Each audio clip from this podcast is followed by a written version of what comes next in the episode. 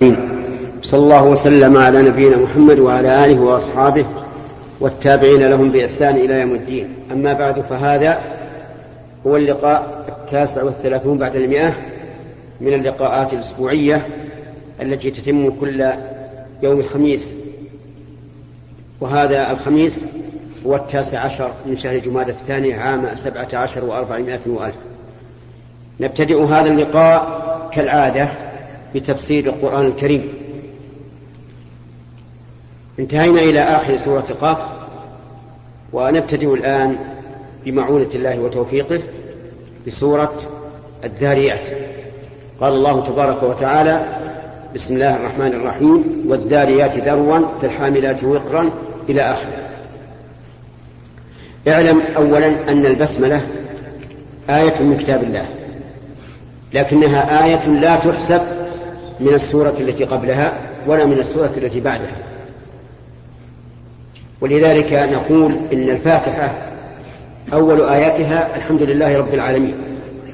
كما جاء ذلك صريحا في الحديث القدسي الذي أخرجه مسلم عن أبي هريرة رضي الله عنه عن النبي صلى الله عليه وعلى آله وسلم أن الله قال قسمت الصلاة بيني وبين عبدي نصفين. فإذا قال الحمد لله رب العالمين قال الله حمدني عبدي وإذا قال الرحمن الرحيم قال أثنى علي عبدي وإذا قال مالك يوم الدين قال مجدني عبدي وإذا قال إياك نعبد وإياك نستعين قال هذا بيني وبين عبدي نصفين. فإذا قال اهدنا الصراط المستقيم قال هذا لعبدي ولعبدي ما سأل. وبناء على ذلك لو قرأ الفاتحة بدون أن يقرأ البسملة فصلاته صحيحة. لأن البسملة ليست آية من الفاتحة. وتجدون في المصحف أنها معدودة من آياتها فهي رقم واحد لكن هذا مبني على قول ضعيف والصواب أن آياتها سبع. الحمد لله رب العالمين. الرحمن الرحيم. مالك يوم الدين. إياك نعبد وإياك نستعين. اهدنا الصراط المستقيم.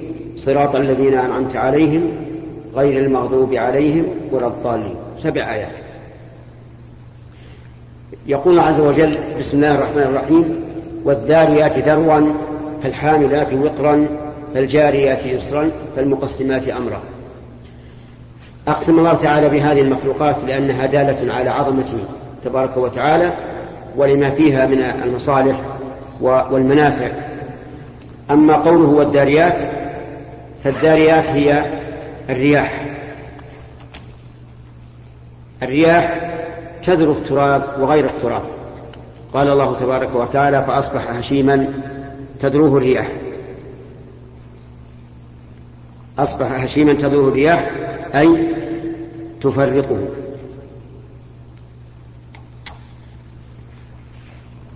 أي تفرقه وفي أمكنة متعددة. وأقسم الله بالداريات لما فيها من المصالح الكثيرة ففي تصريفها حكمة بالغة فمنها الرياح الدافئة ومنها الرياح الباردة على حسب ما تقتضيه حكمة الله عز وجل.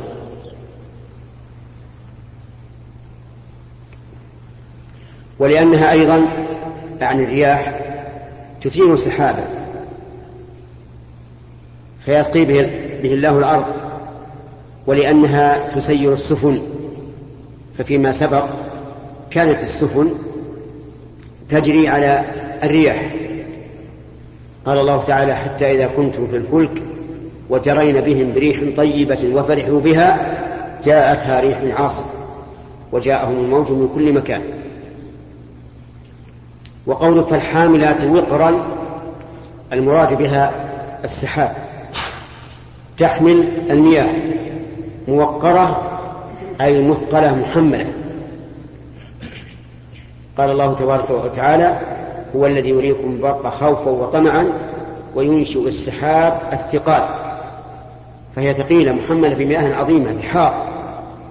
ولذلك تمطر الأرض فتجد الأرض الأرض أنهارا بإذن الله عز وجل. إذن الذاريات الرياح والحاملات السحب والارتباط بينهما ظاهر لأن الذي يثير السحاب هو يا محمد؟ الذاريات الرياح والسحاب وحاملات السحاب والارتباط بينهما ظاهر لأن الرياح هي التي تثير السحاب. قال وأيضا هي التي تلقح السحاب بالماء. قال الله تعالى وأرسلنا الرياح لواقح فأنزلنا من السماء ماء فأسقيناكموه. فالجاريات يسرا الجاريات هن السفن يسرا أي بسهولة.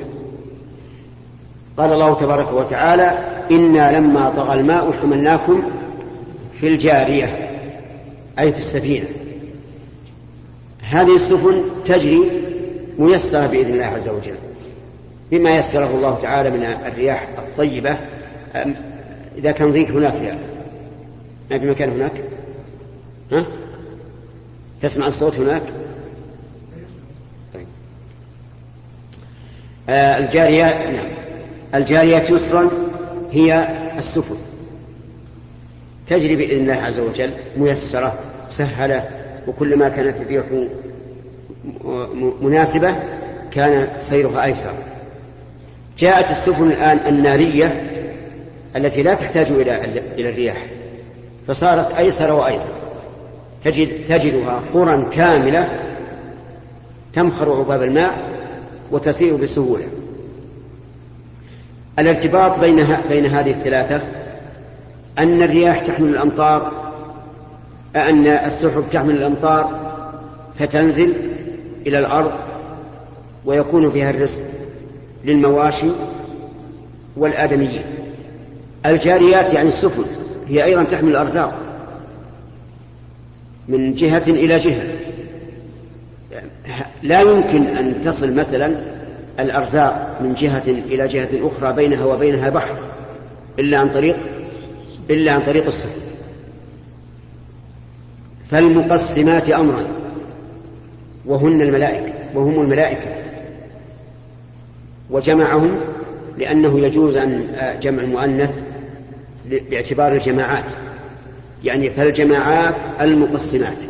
أمرا التي تقسم الأمر أي شؤون الخلق ويحتمل أن يكون أمرا أي بأمر الله. والمعنى صحيح على كلا التقديرين. فإن هذه الملائكة هؤلاء الملائكة عليهم الصلاة والسلام يقسمون ما يريد الله عز وجل من أرزاق الخلق وغيرها بأمر الله عز وجل. هذه أربع جمل. الأولى الثانية الحملات. الثالثة الرابعة كل هذه مقسم, مقسم بها. المقسم عليه إنما توعدون لصادق. يعني ما وعدكم الله تعالى فهو وعد صادق. والصادق هو المطابق للواقع. وذلك لأن الخبر نوعان. نوع يخالف الواقع وهذا يسمى كذبا ونوع يطابق الواقع وهذا يسمى صدقا سواء كان المخبر عنه ماضيا أو مستقبلا. فأقسم الله عز وجل بهذه المخلوقات العظيمة على أن ما نوعد صادق فلا بد أن يقع. إذا وقع ما نوعد وهو البعث يوم القيامة يتلوه الجزاء. ولهذا قال وإن الدين لواقع. الدين يعني الجزاء. وتعلمون أن الدين يطلق أحيانا بمعنى الجزاء وأحيانا بمعنى العمل. ففي قوله تعالى لكم دينكم ولي دين المراد به العمل. وفي قوله تبارك وتعالى وما أدراك ما يوم الدين ثم ما أدراك ما يوم الدين المراد به الجزاء. هنا وإن الدين لواقع أي الجزاء؟ لا بد أن يقع لأن الله على كل شيء قدير وقد مر في سورة قاف أن الله تعالى قال ذلك حشر علينا يسير. ثم قال تعالى والسماء ذات الحبك السماء معروفة ذات بمعنى صاحب. الحبك يعني الطرق.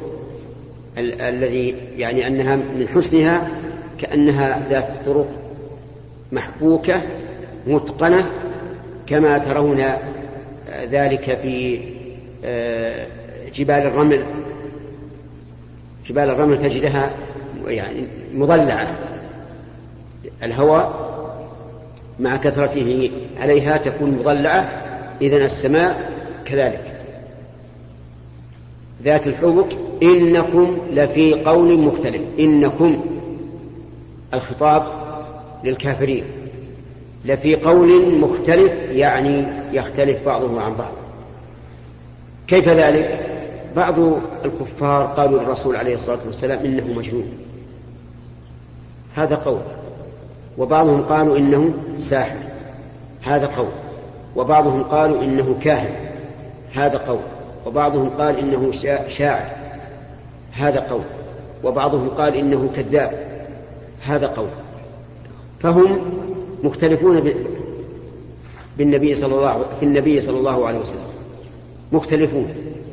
واختلاف الأقوال يدل على كذبها وفسادها.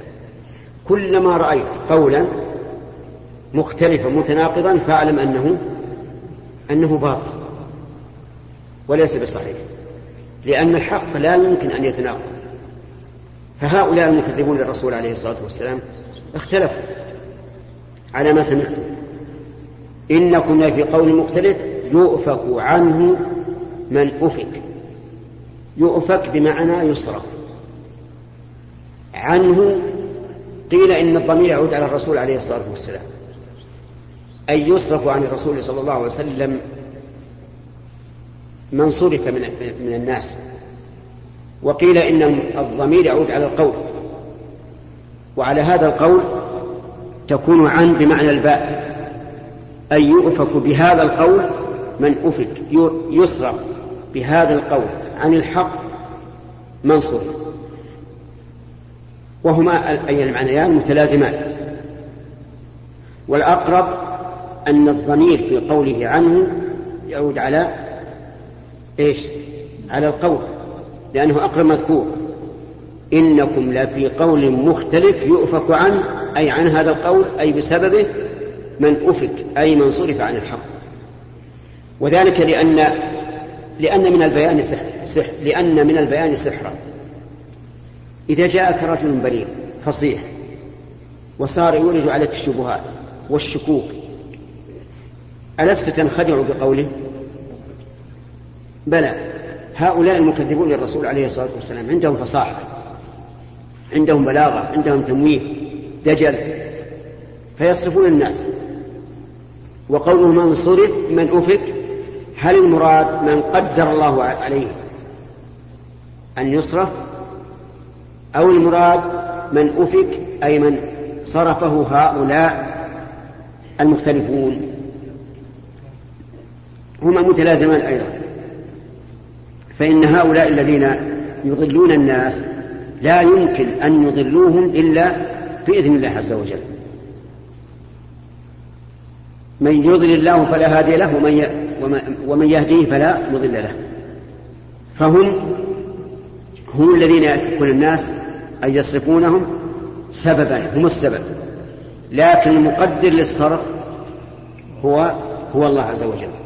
ولكن اعلم أخي المسلم أنه لا يمكن أن يصرف عن الحق إلا من علم الله منه أنه ليس أهلا للحق. نسأل الله لنا ولكم السلام لا يمكن يصرف عن الحق إلا من علم الله أنه ليس أهلا للحق. ولهذا قال الله تعالى الله أعلم حيث يجعل رسالته. وكذلك الله أعلم حيث يجعل رسالته في الذين يمتثلونها. ويؤمنون بها. ويدل على هذا الذي قلنا قول الله تبارك وتعالى فلما زاغوا أزاغ الله قلوبهم. ولكن احذر إذا رأيت ضالا أن تقول هذا ليس أهلا للهداية.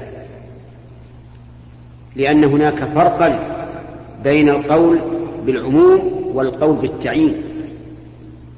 القول بالتعيين حرام لأنك قد ترى شخصا ضالا تراه ضالا وتقول هذا لا يختلف وإذا به يهديه الله عز وجل.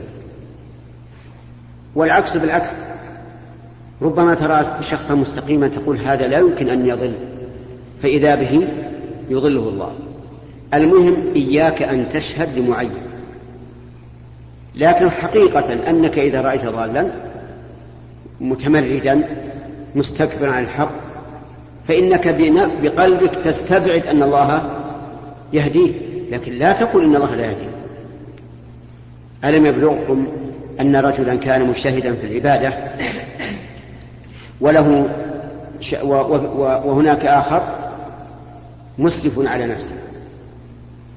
فكان يمر به هذا الرجل وينصحه ولكن ذاك يقول آه، إنك لا تقول بيني وبين ربي دعني وربي فقال فقال المجتهد في العبادة ذات يوم والله لا يغفر الله لك.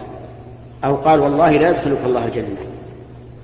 فقال الله تعالى من ذا الذي يتألى علي ألا أغفر لفلان إني قد غفرت له وأحبطت عملك. نسأل الله العافية. لهذا لا تعجب بنفسك ولا تيأس من رحمة الله لا فيما يتعلق بك ولا فيما يتعلق بغيرك. فإن الله فإن الله على كل شيء قدير. لكن نعلم يعني على سبيل العموم أن الإنسان إذا لم يكن أهلا للهداية فإنه لن يهتدي. فإذا رأينا هذا الشخص منحرفا مستكبرا معاندا فلا شك أنه يغلب على ظننا أنه ليس أهلا للهداية لكن ليس لنا أن ننطق بذلك. يحرم علينا أن ننطق. ويخشى أن, أن يقال لنا كما قيل لهذا الرجل قد غفرت له وأحبطت عملا. وهنا نقطة مهمة وهي الفرق بين التعيين والإطلاق. مثلا نحن نشهد لكل, لكل مؤمن بأنه في الجنة. صح؟ ولا لا؟ نعم. لكن إذا رأينا شخص مستقيما يصلي ويزكي ويصوم ويحج ويتصدق ويحسن ويبر والديه ويصل رحمه هل نشهد بأنه في الجنة؟ لا التعيين شيء وال... وال... والإجمال شيء آخر طيب رأينا رجلا كافرا ملحدا مسلطا على المسلمين يمزق كتاب الله ويدوس برجليه ويستهزئ بالله ورسوله هل نقول هذا من أهل النار؟ لا بل نقول من فعل هذا فهو من أهل النار. والتعيين لا تعين. لأنه من الجائز في آخر لحظة أن الله يمن عليه ويهديه. فأنت لا تدري. لذلك يجب عليكم أن تفرقوا بين التعيين والإطلاق أو التعيين والإجمال. آه، مات رجل ونحن نعرف أنه مات على النصرانية حسب ما يبدو لنا من حاله هل نشهد له بالنار؟ لا نشهد. لأن أولا إن كان من أهل النار فسيدخل ولو لم يشهد وإن لم يكن من أهل النار فشهادة شهادة بغير علم. فمثل هذه المسائل لا داعي لها. يعني لو قال قائل مات رجل من من الروس من الملحدين منهم مات رجل من الامريكان من الملحدين منهم من اليهود من الملحدين. العنه واشهد له بالنار؟ نقول ما يمكن. نحن نقول من مات على هذا فهو من أهل النار. من مات على هذا لعناه. أما الشخص المعين فلا. ولهذا كان من عقيدة أهل السنة والجماعة قالوا لا نشهد لأحد بالجنة أو بالنار إلا لمن شهد له النبي صلى الله عليه وسلم ولكننا نرجو للمحسن ونخاف على المسيء. هذه عقيدة أهل السنة والجماعة. ثم قال الله عز وجل قتل الخراصون ونؤخرها إلى اللقاء القادم إن شاء الله تعالى. ونرجو من الأخ موسى إذا مضى عشر دقائق من الكلمة أن ينبهنا عشان يكون يتوفر الوقت للأسئلة نعم؟ نعم. فيه فيه ميكروفون. فضيلة الشيخ عفى الله عنا وعنك. سؤالي هو عن البنت الصغيرة التي لم تحض. ماذا يكون الحكم بالنسبة لها في الثلاث حالات التالية؟ بالنسبة لغطاء الوجه خارج المنزل ولبس ما اشتهر من البنطلون بأي شكل من الأشكال أو أي حال أو سبب وكذلك الاختمار عند الصلاة. نعم. آه هذا الأخ ذكي جمع ثلاثة أسئلة في سؤال واحد. عفى الله عنا وعنه. آه البنت الصغيرة التي دون السبع هذه لا حكم لعورتها. يعني تكشف وجهها وتلبس الثوب القصير ولا بأس وإن كنا نرى أن لا تعود لبس الثوب القصير لأنها إذا لبست الثوب القصير خف حياؤها إذا كبرت. لكن من جاوز ذلك فإن النساء يختلف. من من النساء من يكون شبابها طيبا ويكون ولحمتها يعني كبيرة. حتى ترى من لها عشر سنوات تقول هذه بالغة. فمتى تعلق النظر بها؟ بقطع النظر عن سنها. وجب عليها أن تحتجب. وأما لبس البنطلون فإنه حرام لأنه من باب التشبه بالرجال ولأنه يؤدي إلى ولأنه يكون ذريعة إلى آه، الدخول في قول الرسول عليه الصلاة والسلام نساء كاسيات عاريات وهن من أهل النار. وأما بالنسبة للصلاة فالصلاة لها أن أن تكشف رأسها ووجهها وقدميها وكفيها ما لم تبلغ. إذا بلغت فقد قال العلماء رحمهم الله يجب عليها أن تستر جميع بدنها إلا الوجه. وألحق بعض العلماء بالوجه الكفين والقدمين. هذا إذا بلغت. أما قبل فإنها عورتها كعورة الرجل على ما ذكره الفقهاء رحمهم الله. نعم. فضيلة الشيخ هل هل الأشرطة التي تحمل بعض سور القرآن الكريم وربما تحمل القرآن كاملا هل يكون لها من الاحترام مثل القرآن أي المصحف من حيث وضعها في بعض الأماكن وربما ترمى في وربما ترمى في الأرض أو السيارة ونحو ذلك وكذلك لمسها وحملها هل يشترط له طهارة هل يشترط له طهارة أم لا؟ وأيضا الأشرطة التي فيها ذكر غير القرآن هل لها نفس الحكم أم لا؟ كون مأجورين. آه الأشرطة التي فيها القرآن لا يثبت لها حكم القرآن من حيث المس. فلك أن تمسها بغير وضوء. لكن كونها تلقى في الزبل والإنسان يعلم أن فيها قرآنا النفس ما تنفر من هذا لا شك.